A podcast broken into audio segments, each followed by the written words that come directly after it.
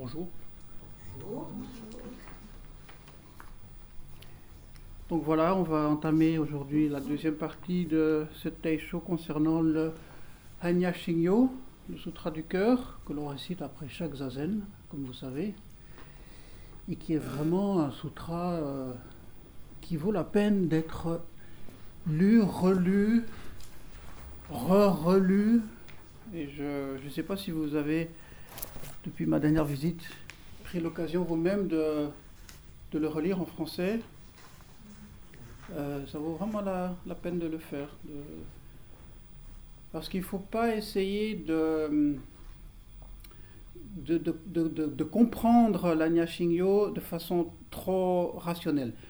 La seule chose qu'on peut faire maintenant, que je peux faire pour vous, c'est vous donner deux, trois points d'attention auxquels vous pouvez, une sorte de bouée hein, euh, dans la mer, auquel on peut un peu s'accrocher mais le, mieux, c'est vraiment de, ressentir le sutra du cœur à partir de Zazen. Ça, c'est quelque chose que je pense qui est vraiment important. C'est pas un hasard qu'on le, récite justement après le Zazen. Et donc, euh, voilà, c'est bien de. Pour ceux qui veulent, bien sûr, il n'y a rien d'obligatoire là-dedans. Euh, je propose d'ailleurs qu'on le relise ensemble, comme on avait fait la dernière fois. Cette fois-ci, on, peut peut-être prendre une autre traduction que celle qu'on est toujours habitué de lire, qui est la, première. Je ne sais pas, sur les photocopies que vous avez reçues maintenant. Euh, c'est celui qui, voilà, le, le, deuxième en fait, la deuxième page, le Sutra du cœur de la perfection de sagesse. Voilà, traduit du sanskrit en chinois par Xuanzang en 649 après Jésus-Christ. Cette page on va lire ce, cette version. On va le faire ensemble. Comme ça, on va être de nouveau imprégné de, de ce magnifique texte. Lorsque le Bodhisattva Avalokitesvara pratique la profonde prajna paramita, il voit clairement que les cinq agrégats sont tous vides et il dépasse toutes les souffrances. Shariputra, la forme n'est pas différente du vide, le vide n'est pas différent de la forme. La forme, c'est le vide, le vide, c'est la forme. Il en va aussi de même des sensations, des perceptions, des constructions et des consciences. Shariputra, tous ces éléments caractérisés par le vide ne naissent ni ne disparaissent ne sont ni souillés ni purs, ne s'accroissent ni ne décroissent. C'est pourquoi dans le vide, il n'y a pas de forme, de sensation, de perception, de construction, ni de conscience. Il n'y a pas d'œil, d'oreille, de nez, de langue, de corps, ni de mental. Il n'y a pas de forme, de son, de parfum, de goût, de toucher, ni d'éléments. Il n'y a pas de domaine de la vision, etc., ni de domaine de la conscience mentale. Il n'y a pas ignorance ni suppression de l'ignorance, pas de vieillesse et mort, ni suppression de la vieillesse et mort. Il n'y a pas souffrance d'origine, d'extinction, ni de chemin il n'y a ni connaissance ni acquisition. Parce qu'il n'y a rien à être acquis, le Bodhisattva, s'appuyant sur la prajna paramita, n'a pas d'empêchement dans son mental. Parce qu'il n'a pas d'empêchement, il n'a pas de crainte. Séparé de toutes les méprises et pensées illusoires, il parvient au nirvana les Bouddhas des trois temps obtiennent l'Anuttara Samyak Sambodhi en se fondant sur la Prajna Paramita. Sache donc que la Prajna Paramita est la grande formule sublime. C'est la formule de la grande science. C'est la formule insurpassable. C'est la formule égalant l'inégalable elle supprime toutes les souffrances. Elle est authentique et non pas vaine. C'est pourquoi j'expose la formule de la Prajna Paramita, formule qui s'expose ainsi Gate, Gate, Paragate, Parasangate, Bodhisattva. Voilà. Voilà.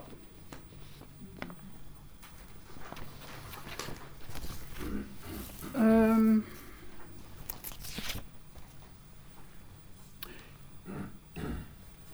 je crois fondamentalement que le, le sutra du cœur est une sorte de mode d'emploi qui peut nous aider à répondre à la question qu'est-ce qu'on fait après Zazen? Je ne veux pas dire qu'est-ce qu'on fait après Zazen au niveau pratique, mais qu'est-ce qu'on fait avec ce qu'on a découvert, ce qu'on a ressenti, ce qu'on a, ce que l'on est en Zazen, qu'est-ce qu'on fait avec ça? En Zazen, on, touche, on est imprégné de cette prajna paramita, de cette grande sagesse. Et qu'est-ce qu'on fait avec ça après? Parce qu'au au fond, au, final, le, but c'est ça. C'est qu'est-ce qu'on fait avec euh, cette sagesse que l'on a découvert ou peut-être entreaperçue, que l'on a ressenti, qui nous a éveillés? Qu'est-ce qu'on va faire avec ça? Dans la vie Et en fait, euh, ce sutra nous aide à à répondre à cette question, c'est vraiment penser, entre guillemets, le, le zazen dans le quotidien. Vraiment d'aller toutes les conséquences de cette prajnaparamita dans la vie quotidienne. Bon, c'est pas un mode d'emploi comme on, est habitué aujourd'hui à l'avoir. Hein. Premièrement, vous prenez une casserole, deuxièmement, vous faites ci, vous faites ça, et voici les ingrédients, etc. Mais il faut un peu chercher. En tout cas, c'est le sentiment que j'ai eu quand j'étais en train de préparer ce, ce show. En fait, au fond, c'est ça. Euh, est-ce qu'on va, quand on sort du zazen, est-ce qu'on va retomber dans notre vision conventionnelle des choses? Ça, j'avais parlé euh, au, mois mois de, novembre, la première fois. Est-ce qu'on va retomber, entre guillemets, dans notre ego solidifié, immobile bien déterminé, bien, délimité, ou est-ce qu'on fait autre chose? Et si on doit faire autre chose, qu'est-ce que, que faut-il faire?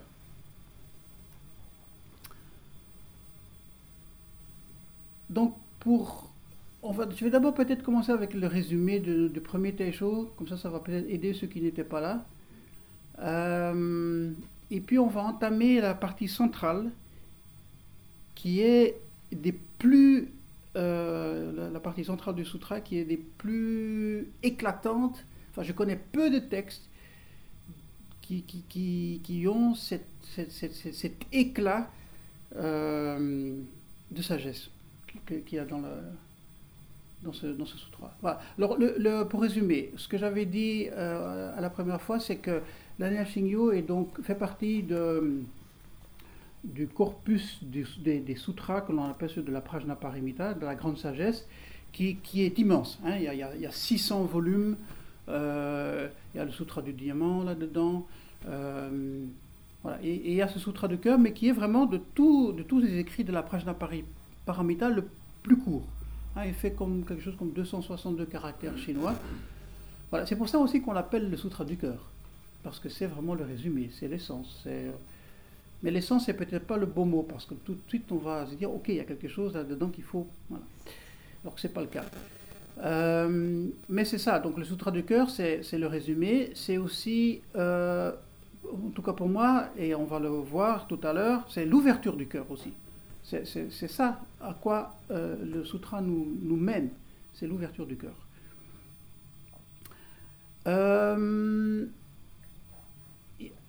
ça a été écrit dans, plus ou moins à la période du début de notre ère, hein, donc plus ou moins à, l'an zéro.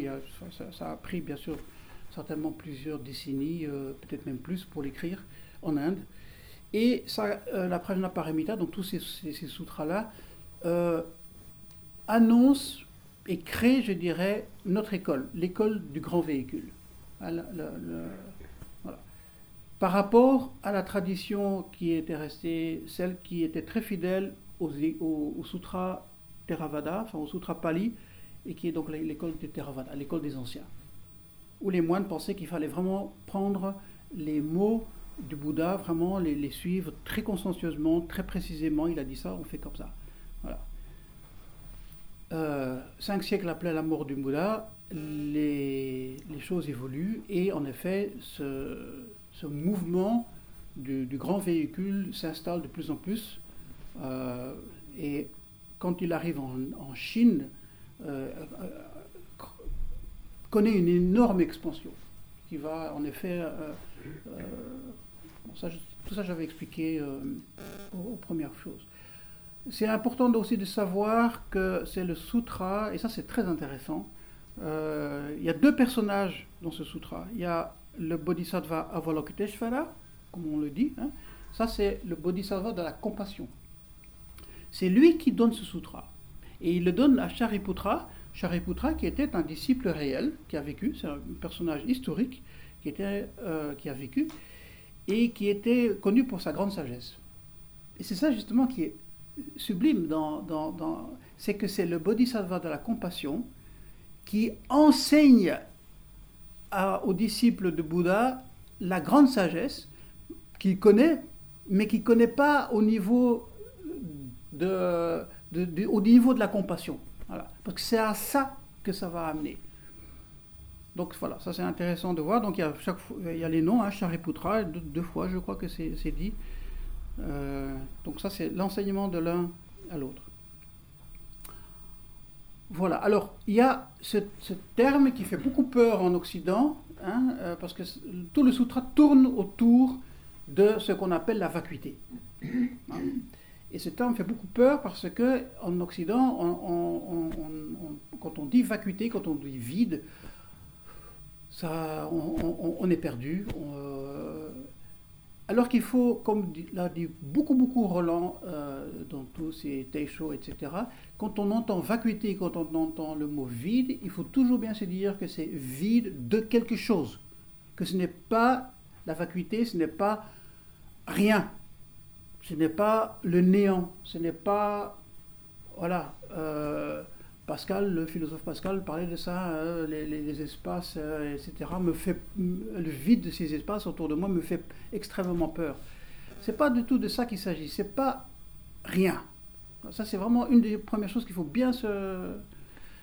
Alors, pour expliquer la vacuité, on peut l'aborder de deux façons un peu différentes. Rien, aucun phénomène, et c'est en fait un peu dit aussi dans le sutra, aucun phénomène n'existe en soi. Tout est en interrelation. Euh, un exemple très concret, euh, nous-mêmes, euh, sans l'air, on ne pourrait pas vivre. Sans la lumière, on ne pourrait pas vivre. Nous sommes ici parce qu'il y a eu une interaction entre deux êtres qui ont fait que, que des cellules se sont rencontrées et qui ont créé une nouvelle forme qui sommes-nous euh, On ne pourrait pas euh, être dans le vivant si on n'est on pas continuellement à, absorber de l'énergie. Hein, voilà. Donc, ça, c'est que.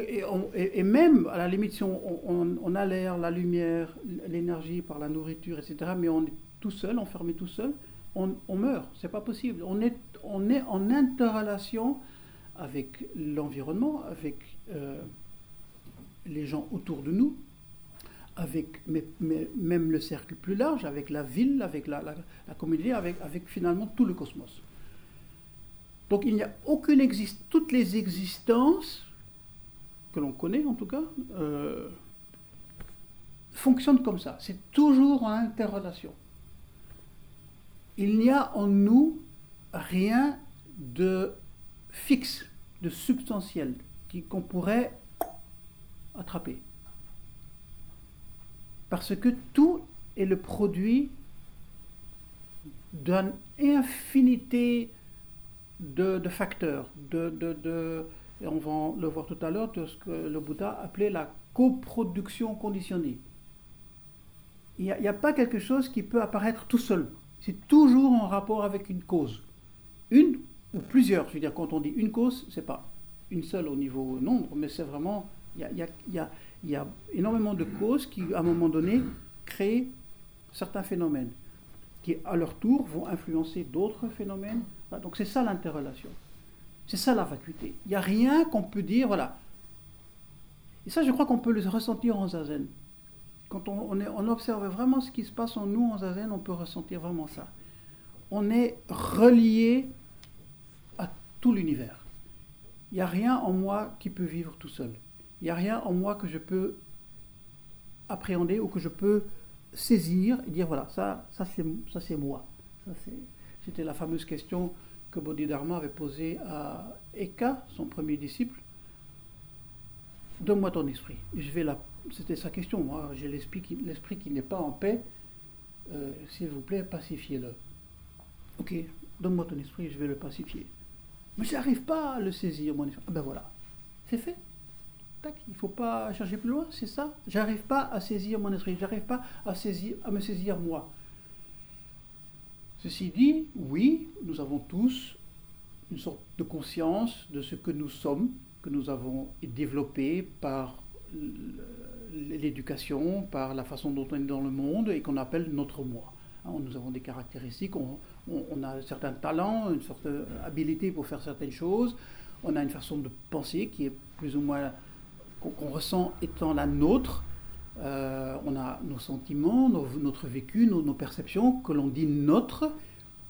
Mais justement, le, sutra va nous apprendre que ce que l'on croit être ses perceptions, ses pensées, et qu'on les croit étant nous, hein, moi, c'est pas ça. On ne peut pas les saisir, on ne peut pas dire, voilà, parce que c'est changeant. Ça, c'est le, le, deuxième aspect de la vacuité. Tout est continuellement en évolution. Il n'y a rien, ce que je disais tout à l'heure dans le zazen, il n'y a rien d'immobile. S'il n'y avait pas la vacuité, tout serait un bloc de glace, presque. Rien, il n'y aurait, aurait pas d'évolution possible. Il n'y aurait même pas la possibilité de s'acquitter de la souffrance. Parce que tout serait figé dans un, dans une, dans un état immobile. Mais ce n'est pas le cas l'univers ne fonctionne pas comme ça. C'est ça la vacuité. C'est que tout est toujours. On ne peut pas dire, voilà, euh, là c'est comme ça maintenant. Ça c'est terminé, c'est clos, on a compris. Et même au niveau. Euh, les savants aujourd'hui euh, savent même ça. De plus en plus, ils, ont des, façons de, de, penser, de calculer, etc., qui vont dans cette direction.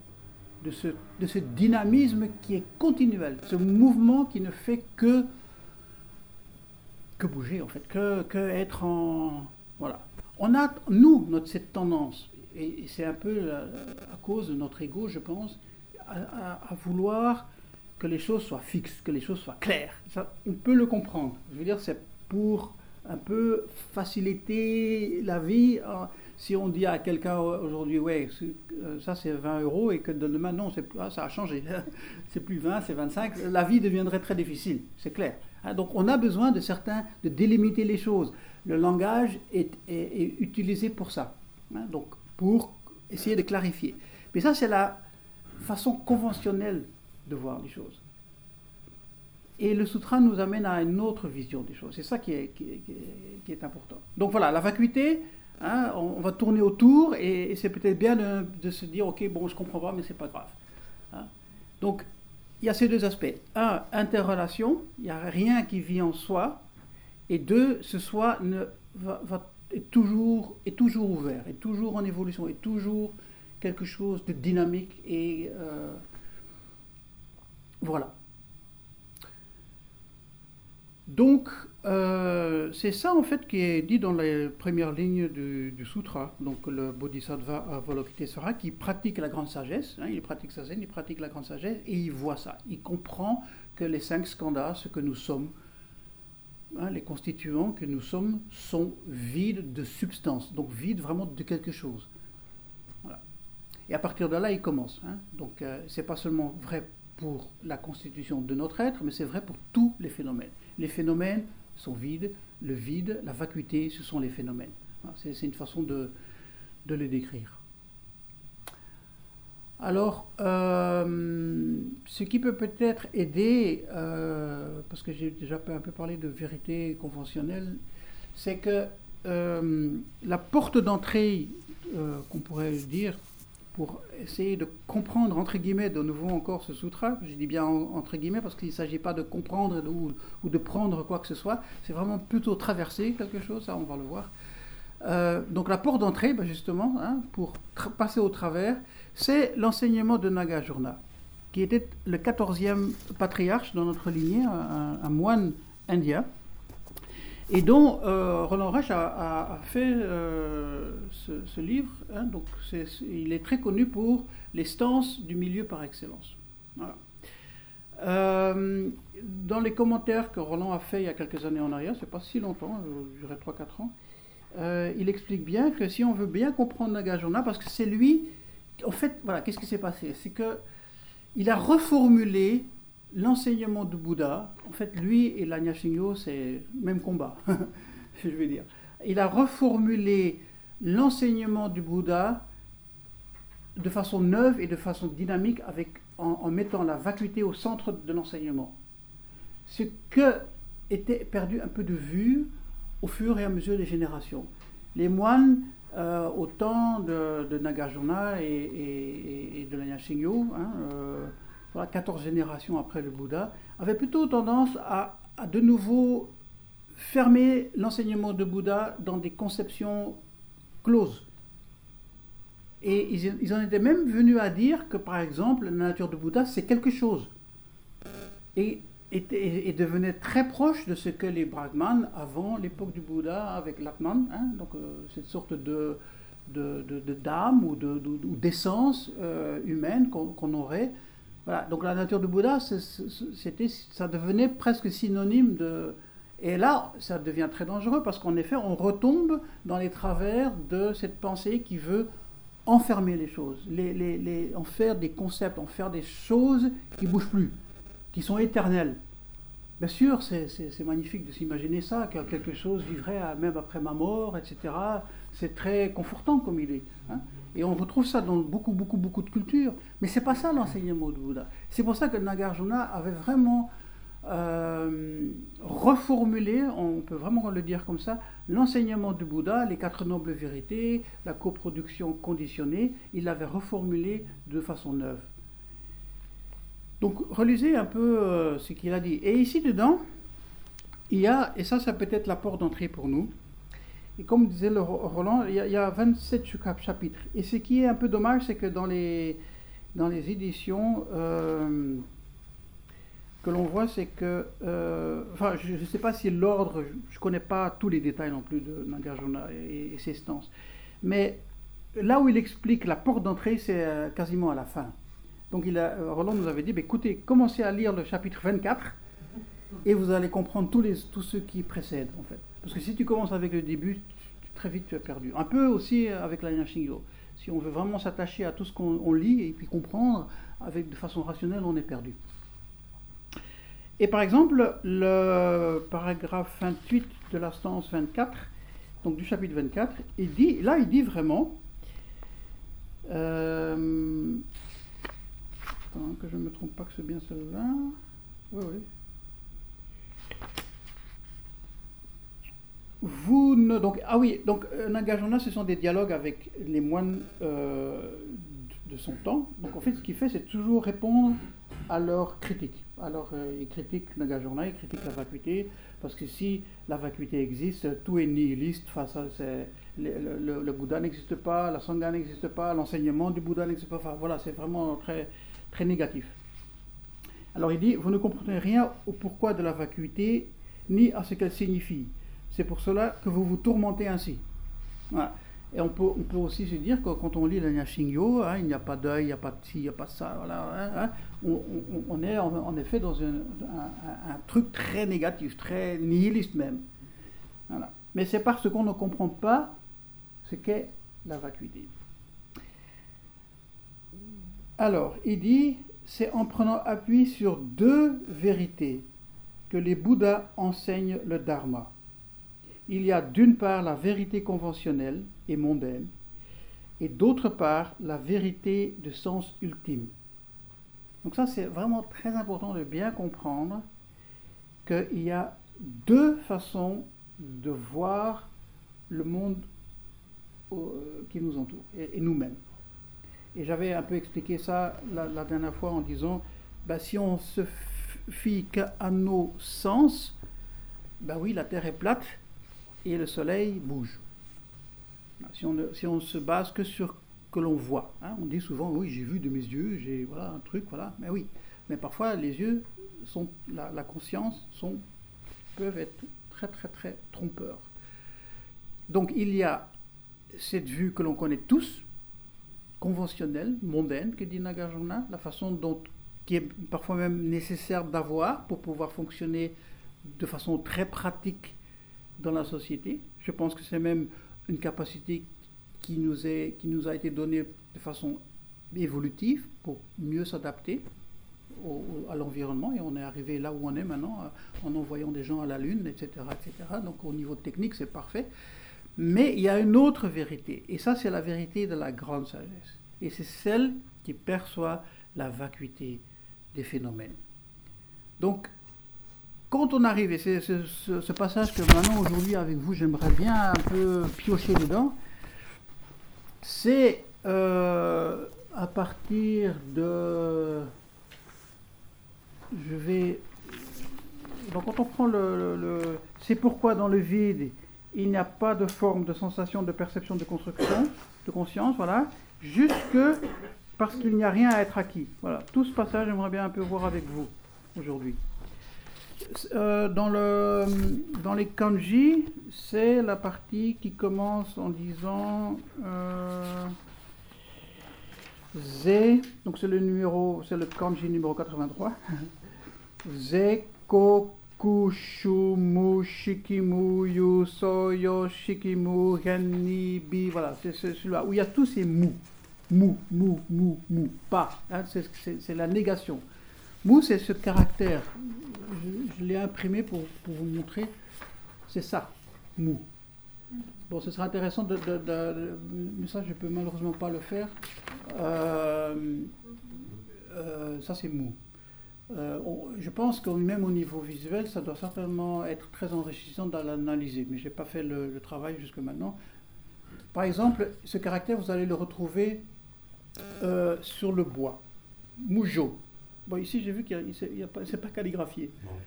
Mais euh, beaucoup de bois que, que, que Roland a, s'est peut-être effacé avec le, la forme, le temps de taper dessus. Moujo. Euh, jo, c'est permanence. Moujo, pas de permanence, c'est impermanent. Hein, donc, le- comme vous savez, le, le bois symbolise, entre guillemets, le, le- le changement, le temps qui passe. Voilà. Et c'est c'est l'appel à la pratique. C'est pour ça qu'on le frappe euh, avant et après le zazen. Voilà, ça c'est mou. Et il est, dans, ce, dans ces courtes phrases, il est, j'ai compté, où est-ce que j'ai mis ça? Il est 16 fois.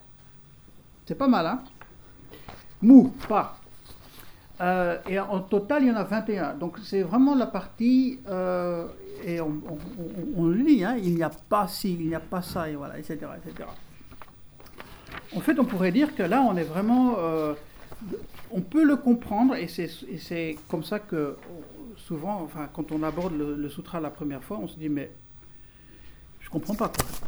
Et le sutra dit, ça c'était d'ailleurs la grande question euh, de, Ryokai, euh, qui quand il était très jeune, moins très jeune, il dit à son maître, euh, Unko Dojo, euh, dans le sutra du cœur, il est dit il n'y a pas d'oreille, il n'y a pas d'œil, il n'y a pas de nez, il n'y a pas de langue, etc. Mais moi, j'ai un nez, j'ai une oreille, j'ai des yeux. Qu'est-ce que c'est cette foutaise? Et euh, Ngo Dojo ne savait pas répondre. il n'arrivait pas à expliquer euh, et il avait très vite compris qu'il était très supérieur, ce, jeune disciple. Bon, après, c'est devenu en effet un, des patriarches de notre lignée. C'est lui qui a écrit Lokyo Zanmai, hein, donc le sutra de Samadhi du miroir, du précieux miroir. Et c'est une question que l'on se pose tous, et c'est légal, et c'est légitime de se poser cette question. Mais pourquoi est-ce que le sutra dit ça? Donc, de nouveau, ici, on pourrait dire, oui, mais c'est en fait un sutra punk sutra anarchiste. Il n'y a rien. Hein, hein, no future. hein, pas ci, pas ça. Il faut comprendre que ce n'est pas la chose qui est niée, mais notre conception de la chose qui est niée. C'est notre façon de voir qui est fausse. C'est ça, ce mou, chaque fois ne croyez pas ce que, ne suivez pas ce que vous croyez être, mais suivez la grande sagesse. C'est ça ce que dit ce passage. Alors, quand on analyse, euh, parce que vous allez voir, c'est éclatant, hein, euh, quand on analyse les, différents paragraphes, le il n'y a pas de forme, de sensation, de perception, de construction ni de conscience, ce sont les cinq agrégats théorie tout à fait classique de Bouddha, même qui existait même hors du bouddhisme à l'époque. C'était la façon dont ils expliquaient hein, un, individu, c'est un, composant de cinq aspects qui est forme, sensation, perception, construction et conscience. Quand il s'est dit il n'y a pas si dans le vide, dans la faculté, il n'y a pas si, pas ça, c'est il n'y a pas notre conception de la forme, de la sensation, de la perception. Alors en effet, c'est il n'y a pas d'œil au sens où il n'y a pas quand on dit œil, quand on dit nez, quand on dit oreille, on, on chosifie les choses, on, en fait quelque chose de, je pense que si on devait euh, euh, parler avec un, biologiste, euh, le nez, mais qu'est-ce que c'est que le nez? Qu'est-ce que c'est que l'œil? Où, où, ça commence, où ça se termine? Par exemple, c'est en interrelation avec beaucoup, beaucoup, beaucoup de choses. L'œil, il, a un nerf qui part dans le cerveau. Alors, est-ce que ce nerf, est-ce que c'est encore l'œil? Ou pas? L'oreille, c'est la même chose. La langue, le toucher, la peau, où est-ce que ça s'arrête, la peau? Alors c'est vrai pour tout ce qui nous constitue, la nez, la langue, le corps, et même au niveau de la conscience. Il n'y a, pas de mental au niveau chose que l'on peut saisir. C'est en, en interdépendance avec beaucoup, beaucoup de phénomènes. Et c'est d'ailleurs ce qui est suivi après. Euh, il n'y a pas de forme, de son, de parfum, de goût, de toucher, ni d'éléments. Les éléments ici, en fait, ce sont les. C'est une traduction, qu'est-ce qu'il C'est en fait les choses perçues. Euh, ni, pensée. Ah voilà, ici c'est traduit par ni pensée. C'est intéressant justement d'aller voir comment on essaye de traduire ces termes euh sino-japonais en français. Voilà. Peut-être les éléments, euh, les cinq éléments, euh, terre, feu. Euh, ce que je veux dire Les cinq éléments, la terre, le feu. Oui, oui, oui. ah, je sais pas si c'est ça. Formation mentale dans traduction. Oui, voilà, c'est ça. C'est plutôt au niveau de la conscience, en fait. Hmm. Comme c'était dans le paragraphe précédent, le mental. En fait, cette deuxième, ce, troisième verset, en fait, c'est en rapport avec le deuxième où il y a oreille, il y a nez, hein, euh, le goût, la langue, etc. Donc c'est en rapport avec ça. Parce qu'en effet, euh, si on, dans la vacuité, quand on voit les choses à partir de la vacuité, à partir de la grande sagesse, à partir de, la vérité ultime, comme dit, comme dit euh, Nagarjuna, eh ben, où commence l'un et où se termine l'autre? Où, commence l'œil, où, va la où, se termine l'œil et où commence la lumière? C'est vraiment toujours en interaction. On ne peut pas dire qu'il y a d'un côté l'œil et de l'autre côté de la lumière. Non, il y a un moment donné, ou même au niveau physique, on ne va plus pouvoir, quand on va vraiment euh, aller analyser les choses vraiment au niveau subatomaire, ben, on ne sait plus où est la lumière, où est l'œil, par exemple. Donc tout ça, ça se... Alors le prochain, c'est la même chose, ce sont les domaines qui sont en rapport avec nos sens. C'est pour ça qu'il y a etc. Donc il n'y a pas de domaine de la vision, et il n'y a pas de domaine de l'audition, il n'y a pas le domaine de, de, de, de, l'odorat, etc. etc. C'est pour ça qu'il y a marqué etc. Et ça se termine de nouveau, ni le domaine de la conscience mentale. Alors que nous, dans notre société occidentale, on aurait plutôt à se dire, ok, il y a quelque chose comme le domaine de la conscience, euh, la culture, la philosophie, et on, de nouveau, pouf, on chosifie les choses. Encore une fois, ce n'est pas que la chose n'existe pas, on a bien un organe, nos organes d'essence, mais c'est la façon de regarder, de concevoir ces organes. C'est la façon de... Euh, c'est sûr qu'il y a de la lumière, qu'il y a du goût, qu'il y a de, des sons, mais c'est la façon dont on conçoit les sons, et la lumière, et le visible, et les formes. C'est ça qui est vraiment très fortement attaqué. Il n'y a pas ignorance ni suppression de l'ignorance, et de nouveau, etc. Il n'y a pas de vieillesse et mort, ni suppression de la vieillesse et mort. Ça, ça réfère à l'enseignement du Bouddha de cette coproduction conditionnée. Hein, je vais un peu la, la répéter en vitesse parce qu'on pourrait faire tout un chapitre là-dessus. Comme vous savez, plus ou moins, je pense, euh, le, Bouddha a bien décrit comment, à partir de l'ignorance, toutes les chaînes, tous les chaînons s'embriquent les uns avec les autres pour en arriver à, une naissance, pour en arriver au vieillissement et à la mort et à la souffrance. Donc c'est vraiment pendant 12 étapes, et je vais relativement vite les, énumérer. Donc ça commence avec l'ignorance.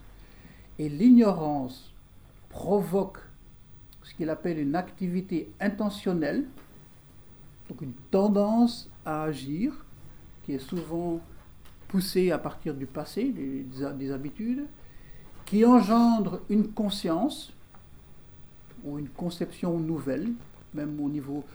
On peut euh, au même au niveau embryonnaire, on pourrait même dire l'embryon, parce qu'on peut utiliser ces 12, ces 12 pour expliquer le cyclus de la vie et de la mort. Donc là, l'embryon apparaît. Nom et forme. Donc cette conception nouvelle, cette nouvelle conscience qui apparaît, crée ce que le Bouddha appelle nom et forme. C'est, on pourrait le dire ici, un individu. Voilà. Cet individu fait que les six domaines d'essence apparaissent. Les six domaines d'essence créent un contact entre l'objet et, le, hein, l'œil la lumière, par exemple.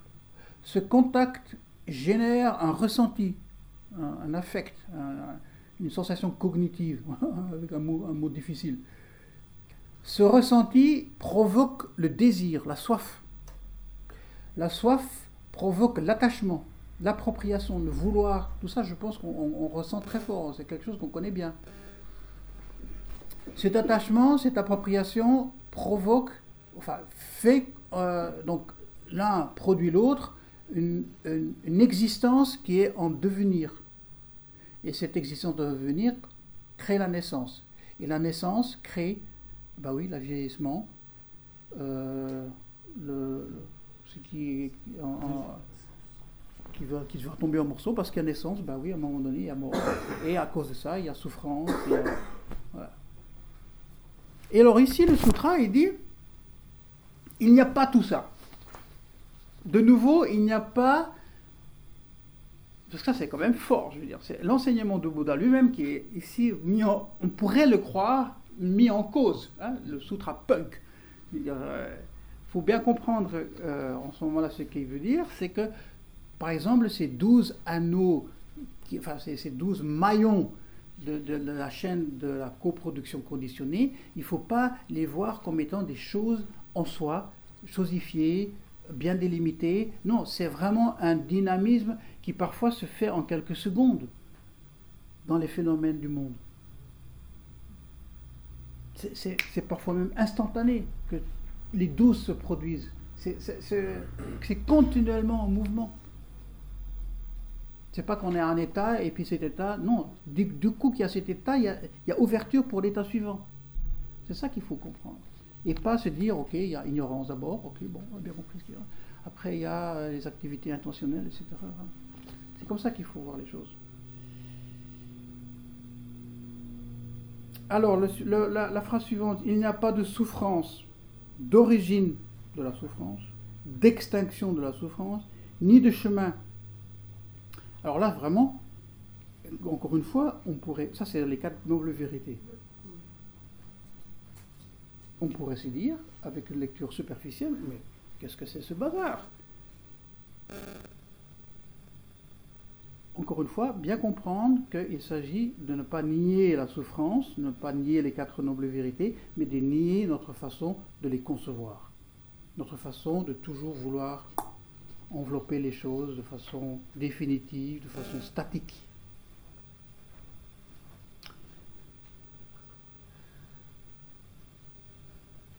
Le chemin, c'est l'octuple sentier. hein. Le dernier là. Et alors, ça se termine. Il n'y a ni connaissance, ni acquisition. Donc, on pourrait même dire que hein, ni, c'est ni connaissance. Enfin, il faudrait étudier. Là, j'ai pas eu le temps de le faire. Enfin, maintenant que j'y pense, si ça veut dire sagesse. Euh, donc, il- on pourrait même presque penser que le sutra, euh, c'est ni lui-même, parce que c'est à partir de la prajnaparamita que ce- cette vision des choses se met en place. Et là, il dit il n'y a ni sagesse, ni acquisition, dans le sens que ce n'est pas quelque chose que l'on va pouvoir, comme je disais tout à l'heure, comprendre, prendre et s'approprier. C'est vraiment plutôt quelque chose qu'on traverse, parce que ça, ça met en mouvement notre pratique, qui est dynamique, qui est toujours ouvert, qui n'est jamais fixe. Et quand on lit les kanji, c'est intéressant parce qu'il y a un mot qu'on connaît bien, mais on ne le remarque pas quand on le récite. Quand on récite le sutra, je veux dire. On en est donc à les mu, mu, mu, ku, shu, metsu, do. Hein, par exemple, ici, c'est le do, c'est le chemin. hein. Mu, shi, yaku, mu, tokui, mu, toku, ko, qu'on dit toujours. Mais c'est en fait, c'est mu, sho, toku qui dit là. Le numéro 146, 147 et 148 sont Mushotoku. Et ça, Mushotoku, on connaît. On a beaucoup entendu parler. hein. Mais on, le- récite toujours Mushotokuko, parce qu'il y a le ko qui suit et on, on- met les, on le colle. Et ce, ce ko, c'est le donc. hein. Donc ce sera le suivant. hein. Euh, en fait, le Mushotoku, c'est parce qu'il n'y a rien à être acquis. Il n'y a ni acquisition parce qu'il n'y a rien à être acquis. Mushotoku. Euh, et donc, à cause de ça, le Bodhisattva, et, on part en ce moment-là dans la dernière partie du sutra. Et c'est vraiment magnifique qu'on termine ce- cette, cette longue énumération de yapa, yapa, yapa, yapa, ce que vous croyez croire, avec Mushotoku. Pourquoi? Il me semble, parce que Mushotoku, c'est vraiment le ressort fondamental, enfin fondamental, de nouveau le mot n'est pas juste parce qu'on va pouvoir croire, ok c'est une chose, mais le ressort qui va être, qui va nous propulser vers l'avant, vers la libération, vers l'éveil.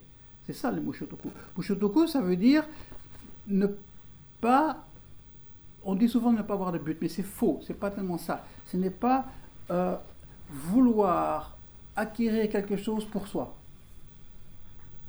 C'est ça ce que je veux dire, Mushotoku.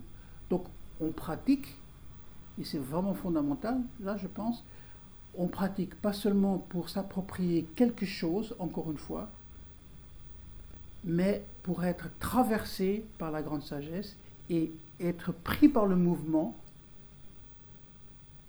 pour aller vers les autres. Et c'est ça où il y a ce, ce, déclencheur, où on tourne, et c'est vraiment en ce moment-là le bodhisattva de la compassion qui parle, parce que toute la dernière partie, ce sera à partir, ce, mode d'emploi que je disais. hein. Donc qu'est-ce qu'on fait avec la sagesse? Ben, on, Voilà, ce qu'on fait avec la sagesse, c'est on comprend tout ça. Et à partir de ça, quand on en arrive à Moshotoku, c'est le, le bout du tunnel. Et on va, en effet, en ce moment-là, on peut lire le, le reste du texte. Euh, il n'y a plus de, il n'y a aucun parce qu'il n'y a pas d'empêchement. Donc à cause, grâce, grâce, grâce à la prajna paramita, grâce à cette sagesse, il n'y a pas d'empêchement. Parce qu'il n'y a pas d'empêchement, il n'y a plus de crainte.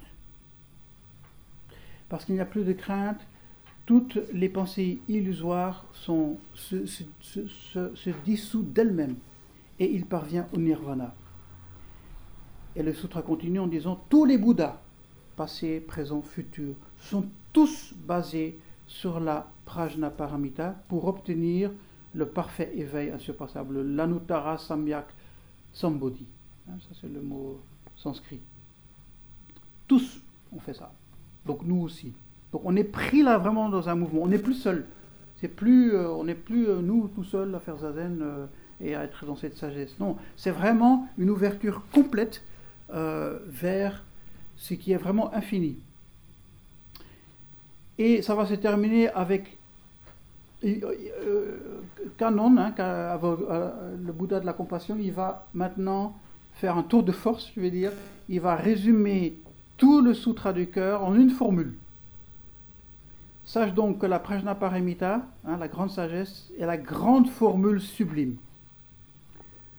C'est la formule de la grande science, la formule insurpassable, qui est égalant l'inégalable. On est vraiment dans une dimension vraiment qui dépasse tout, qui est vraiment l'au-delà. Et cette formule va supprimer toutes les souffrances. Pas seulement la nôtre, mais celle de, de tout le monde. Elle est authentique et non pas vaine. C'est pourquoi j'expose cette formule. Et elle est hyatei, hyatei, hara, hyatei, haraso, hyatei, boji, sovaka, hanya, shingyo. C'est ça le, le, le, but, si on peut dire, final de la chose. C'est ensemble, aller ensemble, au-delà du nirvana, ensemble. C'est un dernier alors le dernier, euh... C'est un, mantra. Ah. C'est vraiment un mantra. Et c'est ça qui est vraiment très intéressant, c'est que ça commence. C'est pas un sutra classique comme les sutras du, du Pali, hein, où, où, il est dit historiquement, voilà, le Bouddha il a fait ci, il a fait ça, il était dans cette ville, voilà, et ses disciples se, mettent autour de lui, un se lève, pose une question. Donc c'est pas cette forme, c'est pas ici c'est l'enseignement de, de, donc ça n'a pas cette structure, donc c'est l'enseignement de Canon à Shariputra, et ça se termine en mantra, en un truc magique. Donc c'est vraiment une exception totale. Je veux dire, il y a peu de sutras qui, sont comme ça. Donc c'est bien de bien savoir que quand on, on récite les Nyingshingyu, en fait, à un moment donné, on est au-delà de tout ce qu'on peut imaginer, de tout ce qu'on a, on a, laissé derrière nous, tout ce qu'on croyait savoir par rapport à tout ce qui nous constitue, à tout, même à l'enseignement même du Bouddha, on est au-delà de tout ça pour déboucher vers une ouverture vers la vie elle-même euh, qui, est, qui, est, totale, qui est complète. Et c'est pour ça que ça devient magique. Mm. Ça devient quelque chose qu'on ne peut plus, comme je disais tout à l'heure, comprendre ou prendre ou s'approprier ou se dire voilà, ça c'est. Mais c'est traverser, c'est être traversé par. Donc le sutra, c'est comme la porte permettant de rentrer dans la vacuité. Oui. C'est une. C'est, ouais, tout à fait. Mais entrer dans la vacuité n'est peut-être pas le mot juste parce qu'on va de nouveau mmh. penser vacuité en termes d'une chose. Alors que tout est vacuité, même maintenant, je veux dire, il n'y a pas un état. Voilà, c'est ça la, difficulté pour nous de toujours bien, de bien comprendre les choses. Mais en effet, c'est une porte. C'est une porte. Le, le, sutra du cœur, c'est vraiment ce que je disais tout à l'heure, quelque chose qui nous traverse et c'est ça qui va ouvrir, le cœur. Parce que le cœur, c'est pas seulement aimer comme ça, euh, j'aime bien ci, j'aime pas ça. Euh, c'est pas ça le cœur. Le cœur, c'est vraiment la totalité de, de, notre existence ensemble avec tout le reste, en, complète interdépendance avec tout l'univers. Voilà, c'est ça l'Enyashingyu. Qu'est-ce que j'avais encore à dire? Ah oui, quelque chose quand même de très important à dire. C'est qu'il ne faut pas maintenant tomber dans l'autre extrême Parce qu'on est toujours vraiment dans, l'enseignement de la voie du milieu. hein. Donc, ça ici. hein. Les stances du milieu, c'est, la voie du milieu, entre les, extrêmes. Donc il ne faudrait pas maintenant se dire, ok, Nagarjuna, euh, le sutra du cœur, c'est vraiment ça qu'il faut. Donc la vérité absolue, hein, la, vision de la grande sagesse absolue, c'est à ça maintenant à quoi. Et tout le reste, le conventionnel, on va. C'est fini. Ne faites pas cette erreur. Quand euh, son disciple demandait à maître Joshu, hein, quelle est l'essence euh, ultime de la vérité du bouddhisme? La réponse qu'il lui a donnée, que vous connaissez tous, c'est Tu as pris ton déjeuner? Alors va dans ton bol. Voilà. C'est revenir au conventionnel, revenir à la chose simple. Il ne faut pas se prendre la tête non plus avec la Nyashingyo. Il ne faut pas se prendre la tête avec Nagarjuna. Il faut s'imprégner de leur enseignement, s'imprégner de, de, de, de, l'enseignement que nous donne la Nyashingyo, mais il faut rester encore euh, avec son nez, ses oreilles, ses yeux, avec la vérité conventionnelle. Il ne faut pas nier tout ça, il ne faut pas dire ouais non, tout ça c'est c'est pas important, rien que la faculté, eh bien. euh, non, non, il faut surtout pas se. Donc, ça, c'était quelque chose que je voulais dire aussi. Euh,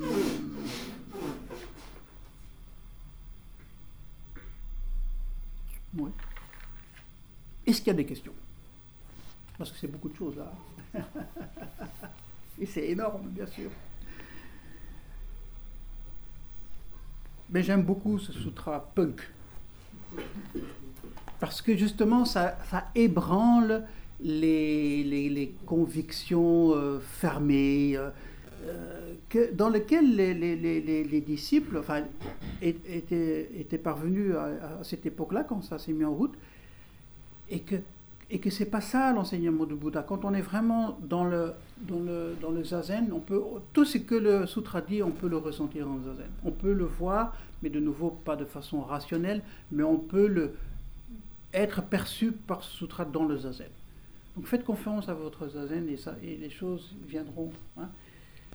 Et c'est pour maintenir justement cette ouverture, tout le temps, toujours cette ouverture, qui est la vie elle-même.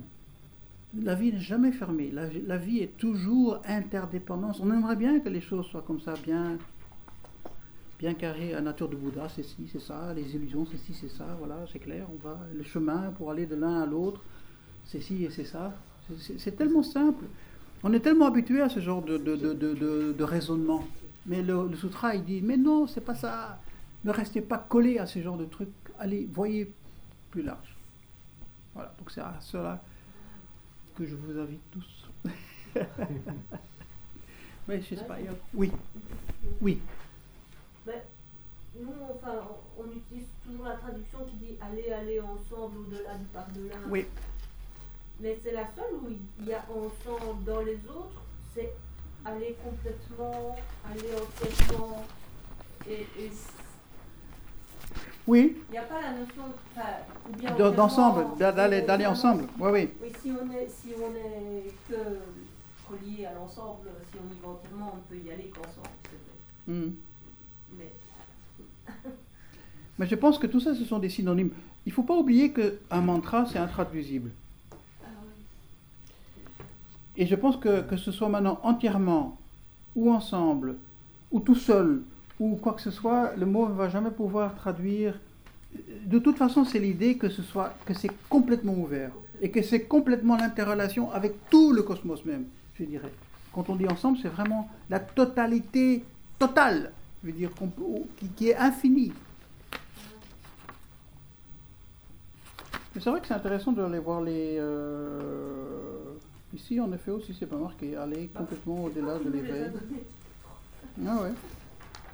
C'est pour ça que c'est peut-être bien de. Moi, j'aime bien qu'on le lise en. en- en- Parce que c'est Gyate, Gyate, ou, euh, ou le.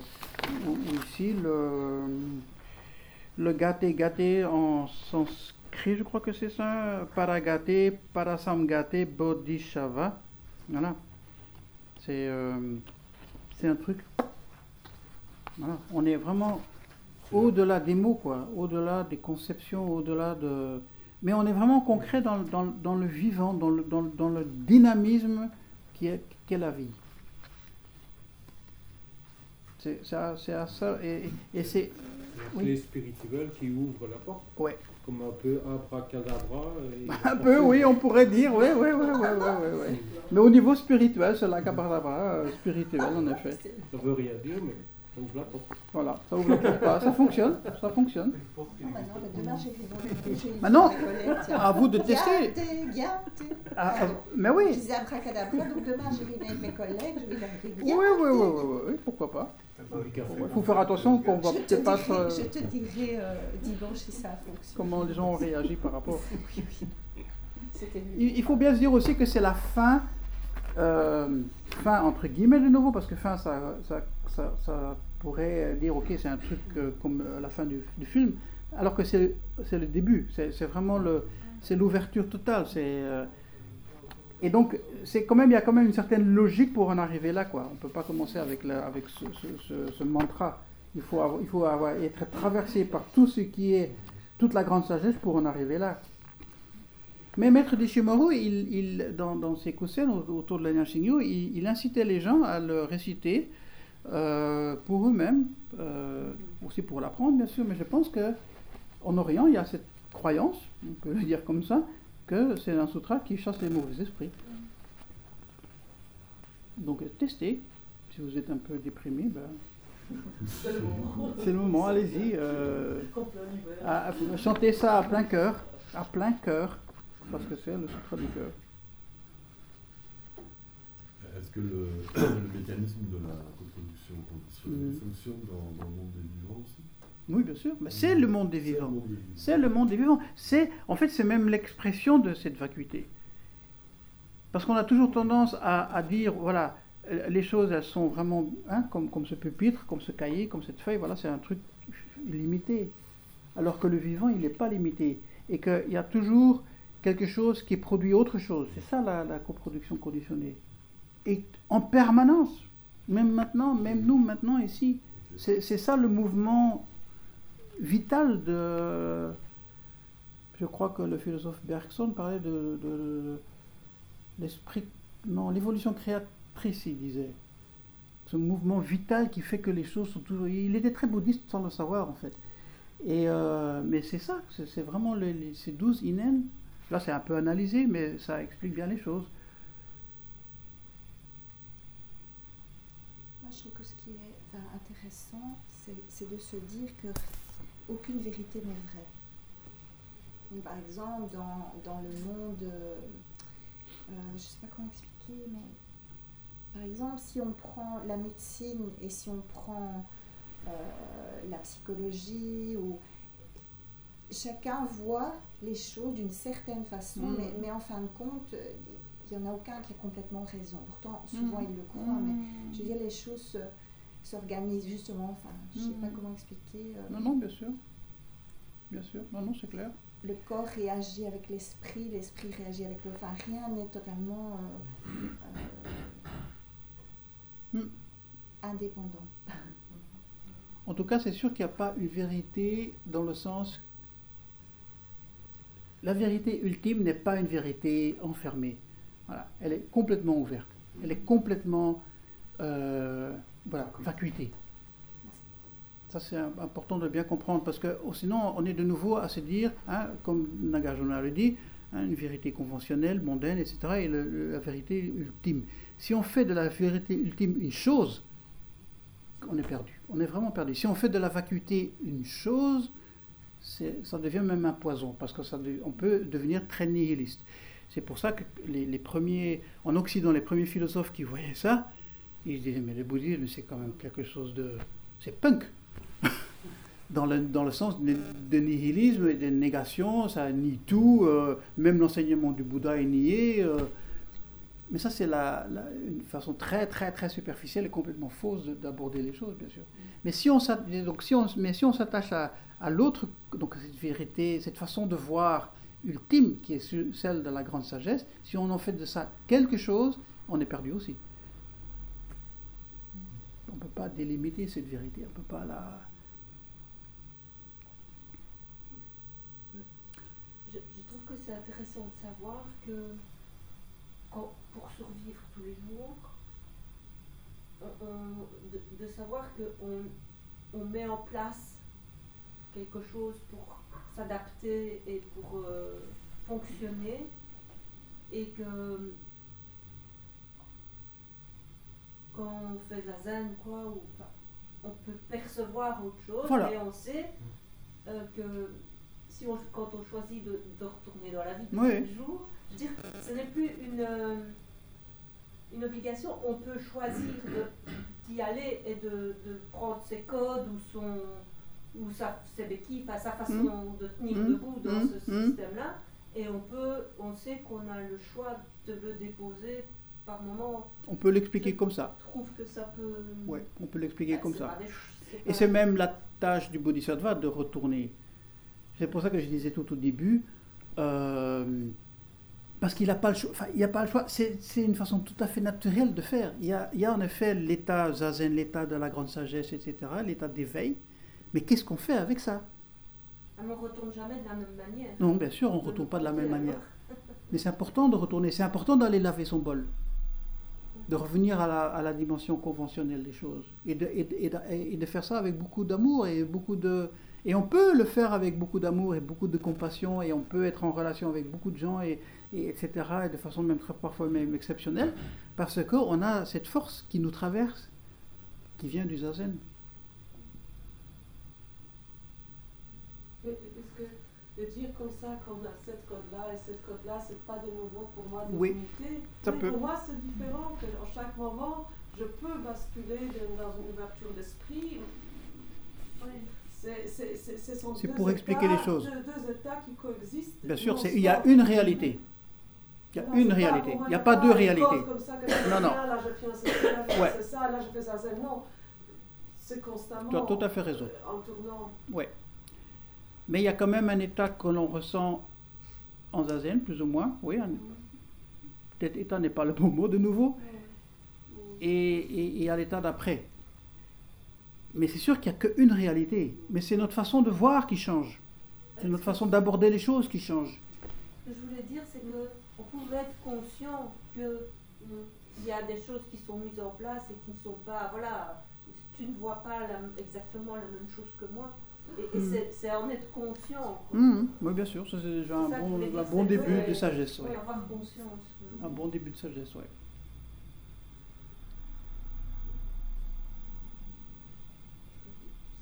La sagesse amène vraiment la sagesse euh, ultime, la sagesse de la, de la grande sagesse, la prajnaparamita, hein, am- ramène de toute façon toujours à la vie, à la chose telle qu'elle est.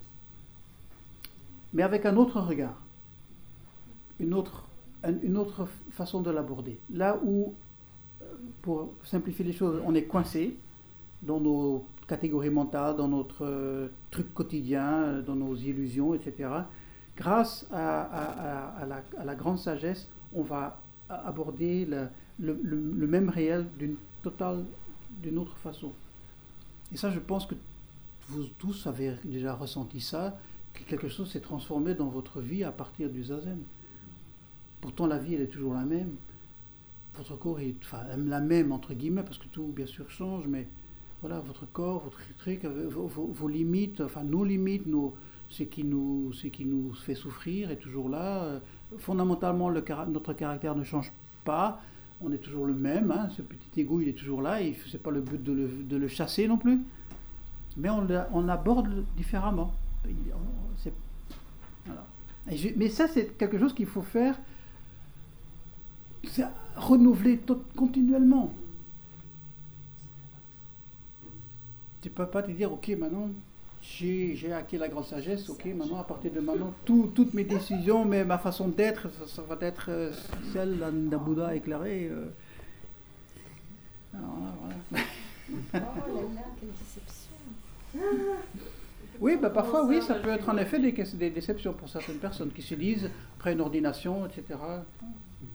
Il me semble aussi qu'il y a un piège dans lequel on peut tomber quand on entend parler de cette question que pour une seule réalité, il y a ces deux vérités. Mm. Que le bouddhisme, Mm. c'est la prise en compte et avoir conscience que ce- ces deux aspects fonctionnent. Mm.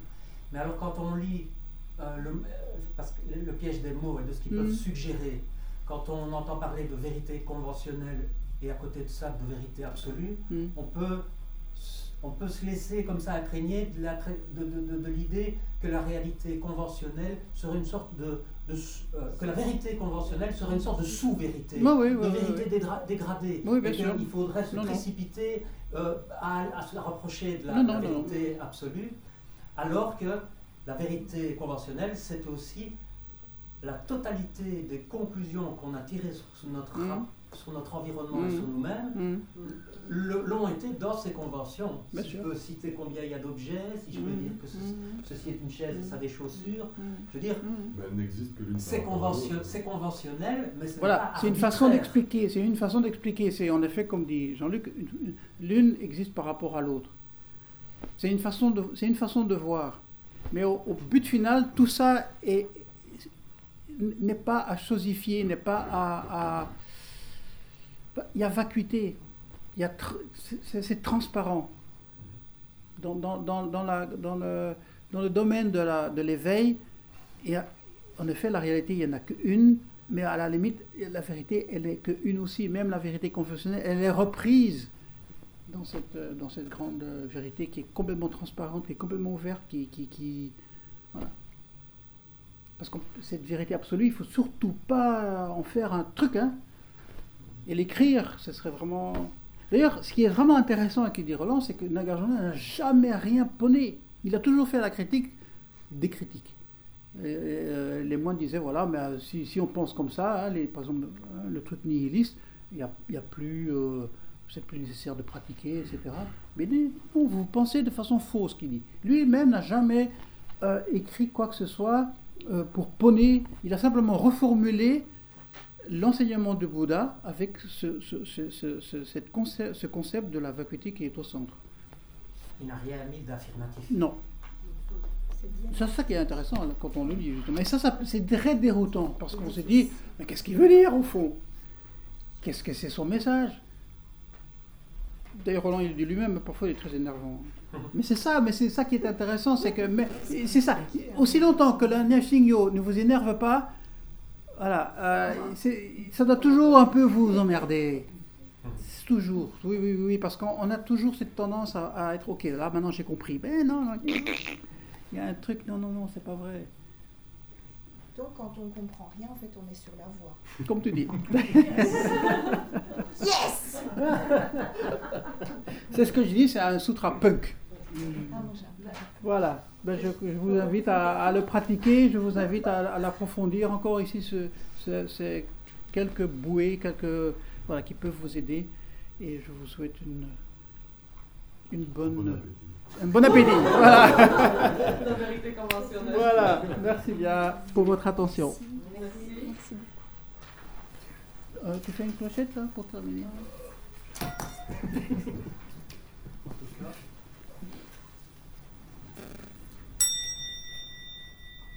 On fait cachot?